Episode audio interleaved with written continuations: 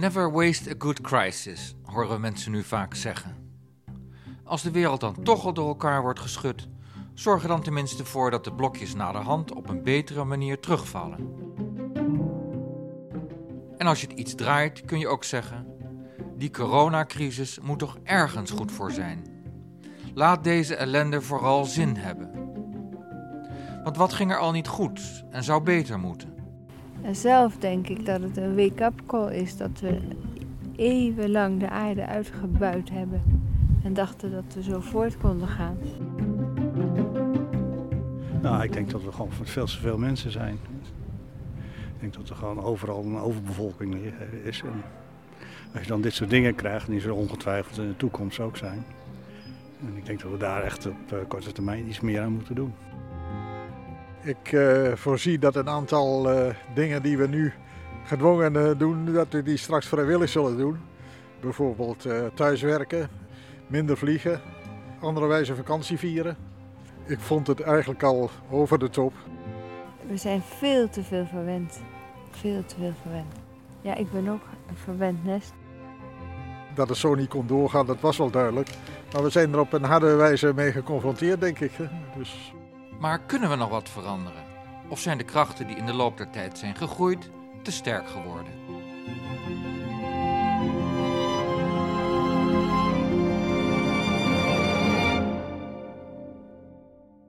Ik denk dat eh, iedereen bewust wordt en iedereen goed gaat nadenken over hoe het misschien anders kan.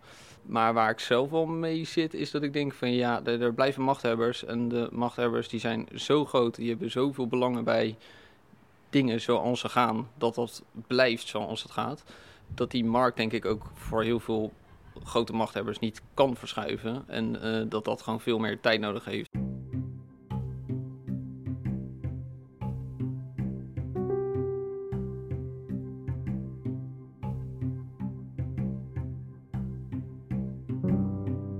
Wat zouden we zelf kunnen doen? Stoppen met klagen. Uh, genieten van dit, wat wij hebben en hoe we leven hier. Van mooie weer, gewoon eten, elkaar kunnen zien. Uh, we blijven te veel zuren en klagen over alles wat er kan. Dat dit niet lekker is en dat dit uh, te strak is of zo.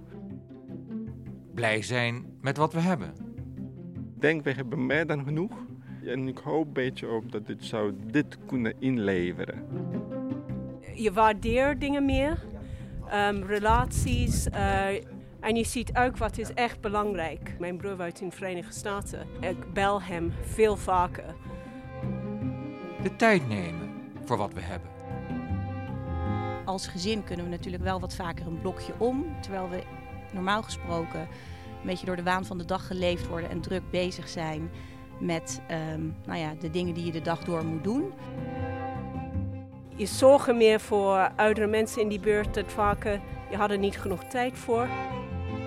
Misschien een beetje de haast eraf. Ik denk dat iedereen dat wel voelt. Ik merk voor mezelf, ondanks dat ik wel werk, dat ik ook niet meer denk, nou ik ga me helemaal kapot haasten om ergens om 9 uur te zijn. Als ik om half tien ben is het ook prima. Maar goed, ik ben er om 9 uur, want het is nergens file.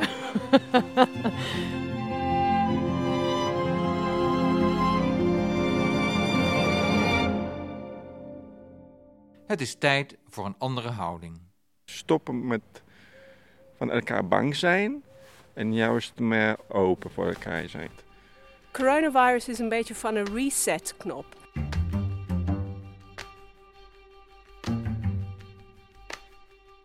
Je hoort mensen die ik in april 2020 tegenkom op het Hans Stijkelplein in Den Haag.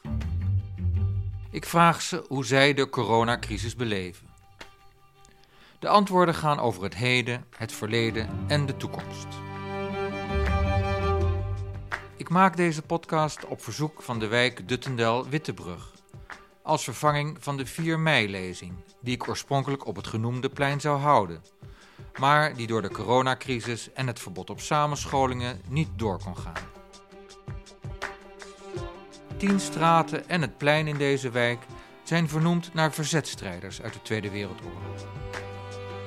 De wijk ligt vlakbij het Oranje Hotel, de Scheveningse gevangenis die tijdens de oorlog door de bezetter is gebruikt om mensen op te sluiten. Mensen die zich te weer stelden tegen het naziregime. of die in de ogen van de Duitsers om een andere reden hun vrijheid niet waard waren. Twee mensen die ik sprak verwezen naar de oorlog. Zodra deze berichten en uh, beperkingen werden gesteld, moest ik heel veel aan de oorlogstijd denken. We moesten toen ook vaak afzien. Kinderen konden soms ook niet buiten spelen, want aan de overkant liep uh, een cordon Duitse soldaten met uh, grote geweren. En dan zei mama: Jullie gaan vandaag niet naar buiten. Het afzien, ik denk mensen die de oorlog meegemaakt hebben, ook als kind, dat die heel veel terugdenken aan bepaalde situaties. Nu moeten we zeggen, er is nog genoeg eten. Hè, we hebben het hamsteren gezien. Maar er is nog genoeg voor iedereen te eten. Dat was er toen ook niet. Je moest vechten om te overleven. En of we er wat van leren. Weet niet, mijn vader zei na de Tweede Wereldoorlog. Je gunt het niemand, maar de verbroedering die het met zich meebracht. En de hulp in de hongerwinter die we elkaar gaven en zo. Dat, ja, dat was zo geweldig en dat zou je hopen dat dat blijft na de oorlog. Maar ja, binnen de kortste keren was dat allemaal weer weg. Dus ik weet niet of het nu hierna lang blijft. Of we er echt iets van geleerd hebben, bedoel ik. Ja, en we is natuurlijk ook ikzelf, hè. De vraag is dus, wat voor goeds gebeurt er tijdens de coronacrisis? En gaat het ons lukken daar wat van te behouden? Als ik naar de persoonlijke ervaring kijk, dan uh, ervaar ik het niet als een heel vervelende tijd. Uh, mensen gebruiken deze tijd om uh, wat meer naar zichzelf te kijken, wat meer naar, zijn, naar bezigheden te kijken. Of kijken of het allemaal interessant is en nodig is wat ze allemaal doen. Ook de kinderen zijn zich heel erg bewust van dat je samen nu moet zorgen dat je de dag doorkomt en helpen met opruimen en leuke dingen bedenken om samen te doen. Wat mij ook opvalt is dat mensen opeens veel meer betrokken zijn bij elkaar en eh, wie welke hulp nodig heeft. Boodschappen doen voor elkaar, eh, bloemetjes bezorgen bij elkaar om de lente een beetje binnen te brengen bij de mensen die niet naar buiten kunnen. Ook de mensen die je normaal gesproken niet zoveel ziet, die toch in deze situatie opeens betrokkenheid tonen en zich bewust zijn van het feit dat je elkaar er eh, doorheen moet slepen.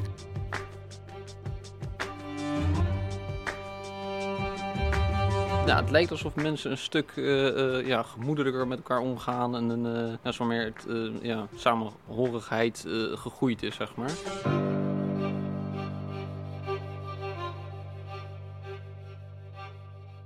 Ik kan niet anderen gaan helpen met mijn leeftijd. Dus ik ben thuis aan het vreubelen, noem ik het maar. Mooie kaarten maken, een leuk verhaaltje erop Soms kruip ik daarvoor in de huid van een kind en schrijf ik: Ik ben Janneke en ik stuur u een leuke kaart, want ik kan nou toch niet naar school. En uh, mijn moeder helpt me uh, de groeten en ik hoop dat u leuke paasdagen heeft. Ja, misschien een beetje een raar verhaal, maar ik heb er plezier in. Ik heb er al een heleboel verstuurd en er ligt nog genoeg werk op de tafel. Ik weet niet aan wie ik schrijf, maar ik kan me wel inbeelden dat het terechtkomt bij iemand die misschien alleen in huis zit en dan zo'n kaart krijgt met een leuk poesje erop of met wat paasversieringen. En het lijkt me dat er dan toch wel een kleine glimlach kan ontstaan.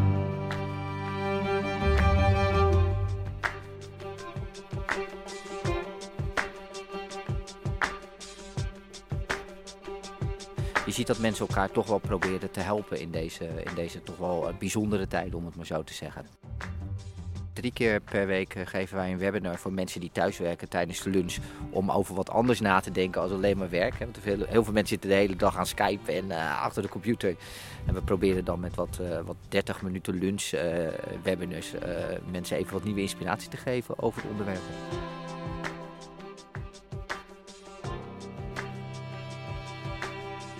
Nou, hij is Belg en uh, wij hebben gewoon, wij hebben ook een, een, samen een huis gekocht. Want ik, ga dus, ik zou dus gaan verhuizen. Dat is natuurlijk de vraag of dat, dat gaat lukken. En ik kan dus daar helemaal niet naartoe. Ik kan niet in dat huis gaan werken en dingen in orde maken en zo. Dat is redelijk frustrerend. ja, die onzekerheid, nou ja goed, dat, dat is allemaal relatief. Hè? Dat zijn een beetje luxe problemen. Maar ja goed, het is niet makkelijk.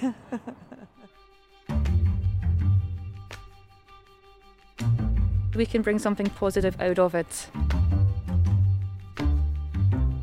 For me personally, I'm a young mother. I was planning to stop breastfeeding my baby, had to go back to work, thinking about childcare. And now I'm spending a lot of time with the family. I can extend breastfeeding much past the three months that most people have to. I get to see my child grow up longer. and I get go walks every day. It's, it's been really nice. En, uh, en sociaal gezien? Ja, nou, dat is wel rustig. Soms is het wel misschien wel lekker om geen sociale druk te hebben. Het is soms misschien ook wel heel veel als je uh, veel werkt en ook nog allerlei afspraken in het weekend hebt waarvan je ook vindt dat je dat moet doen omdat je anders geen mensen ziet. En uh, nu kan het gewoon niet. Ik mis ook wel sommige dingen hoor, dus niet helemaal. Maar ik zie wel ook een soort dat ik denk, ja, zo kan het eigenlijk ook. Ja, gewoon waardeloos we met er al in zitten. Die eh, anderhalve meter van elkaar of maar niet met de auto eigen erom. Ze willen de bootgänger aanpakken, vind ik. Dit is hier dagelijks op de weg. De hele dag door op de boulevard. Mensen blijven maar naast elkaar lopen. Ik kom nergens door. Ik heb er alleen maar last van. Mensen snappen het niet? Ze snappen er echt geen bal van. Want je moet het voor de eigen doen. Ja. En ook voor een ander. Ja. En dat is het allerbelangrijkste voor een ander. Wat je voor jezelf doet, moet je zelf weten. Dan komen we er wel uit met z'n allen.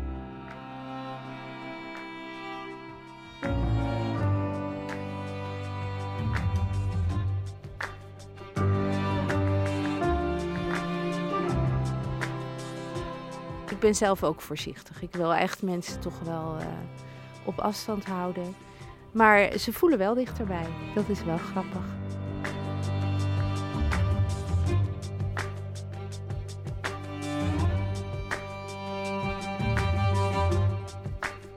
En dat is het allerbelangrijkste voor een ander. Wat je voor jezelf moet je zelf weten.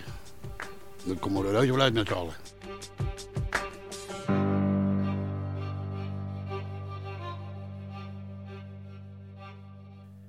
Ten slotte de toekomst. Helaas zijn de geleerden het daar niet over eens. En daardoor lijkt het ook wel iets positiefs te brengen, omdat het mensen weer een beetje terugwerpt op hunzelf en de rust en meer het moment van bezinning. Dus ik hoop dat, dat als dit voorbij is, en liever eerder dan later, dat dat wel iets is wat mensen zich blijven herinneren. Um, en daar ook in de toekomst wat mee doen, waardoor het jachtige bestaan en de stress en uh, nou ja, het maar hard doorrennen en niet meer nadenken bij wat je op dat moment aan het doen bent, dat dat wellicht toch wat uh, minder wordt. Dat het zomaar weer voordat je het door hebt weer teruggaat naar hoe we altijd bezig zijn geweest. Want dat doen we altijd al zo. Dus ja, denk je snel terugvalt. Zo hoeven ze geen boodschappen te doen, wordt er voor hen gekookt. En uh, ja, dat, is, uh, dat zijn echt hele mooie dingen die er nu gebeuren. Ja ik hoop dat we dat kunnen vasthouden. Ik hoop echt dat dat uh, de les van corona is. Ja.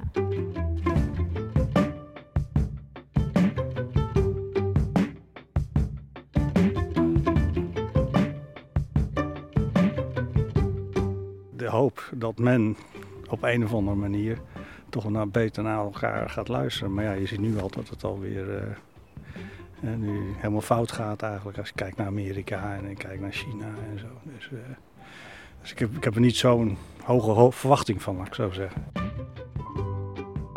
Ik ben niet, allemaal, niet echt optimistisch. Ik denk dat de bevolkingsdruk die zorgt ervoor dat een hoop dingen fout gaan. Hè. Of het nou huizen zijn, het milieu, alles. Hè. Ik bedoel, het heeft allemaal mee te maken. Uh, vanochtend las ik weet de krant ook van... Ja, we moeten meer huizen bouwen en meer uh, wegen aanleggen om uh, de bedrijven te helpen ook. Ja. Maar ja, dat, Op een gegeven moment, kijk maar naar, naar, dat groene hart hier, wat is er nou van over? Hè? Maar wat ik wel denk is, je ziet toch wel uh, veel mensen die thuiswerken die heel productief zijn. Dat dat dus wel kan. En dat scheelt misschien wel anderhalf, twee uur reistijd op een dag. Ik geef muziekles. Nu doe ik dat dus via Skype wel. Hè. Dus in die zin is het ook wel uh, leuk, want dan kom je in uh, een beetje de huiskamer van de leerlingen terecht. Terwijl dat, dat anders niet het geval is. En zeker bij jonge leerlingen is dat heel grappig, want die laten dan hun speelgoed zien en zo. Dus dat, uh, ja, dat, dat, zijn wel leuke ervaringen. Maar ja, dan merk je hoe belangrijk het echte menselijke contact is. Dus dat, ik hoor dan veel geluiden van uh, nieuwe mogelijkheden met uh, uh, online dingen. Maar dat, dat vind ik nou eigenlijk helemaal niet zo'n positieve ontwikkeling. Want ik ja, zie, zit je maar nog meer achter die computer. En ik mis wel heel erg het, het, het levendige contact, laten we maar zeggen.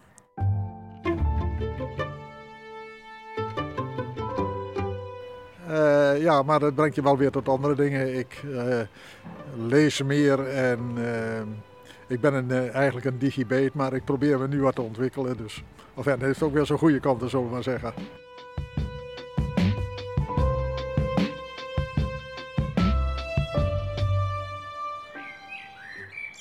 Ik vrees dat we allemaal gewoon weer, net als na de Tweede Wereldoorlog, in onze gewone ritme gaan begeven. Ze hebben het allemaal weer vergeten. Er verandert niets? Niets, nee. Dat denk ik. Daar ben ik bang voor. Wat zou er mogen veranderen? Nou, bijvoorbeeld al die vliegtuigen in de lucht. Het is niet voor niks dat het nou zo prachtig weer is.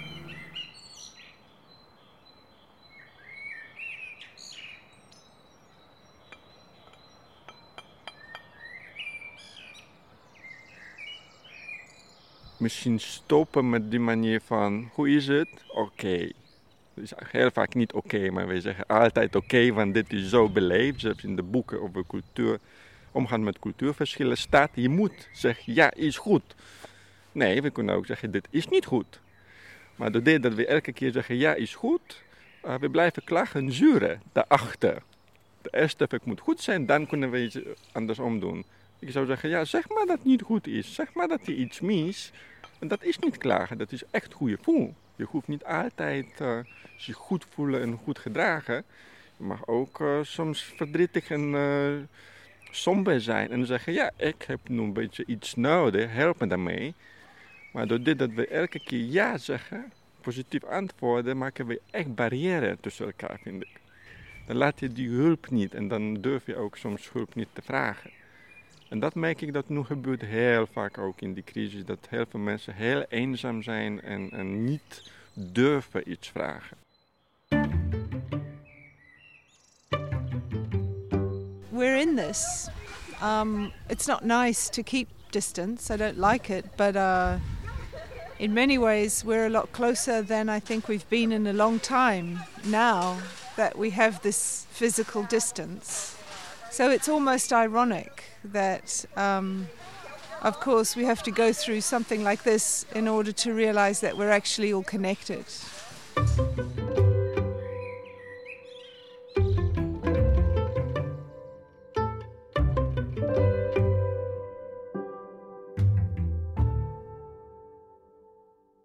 Dit is een productie van Peter de Ruiter op verzoek van de wijkvereniging Duttendel Wittebrug in Den Haag.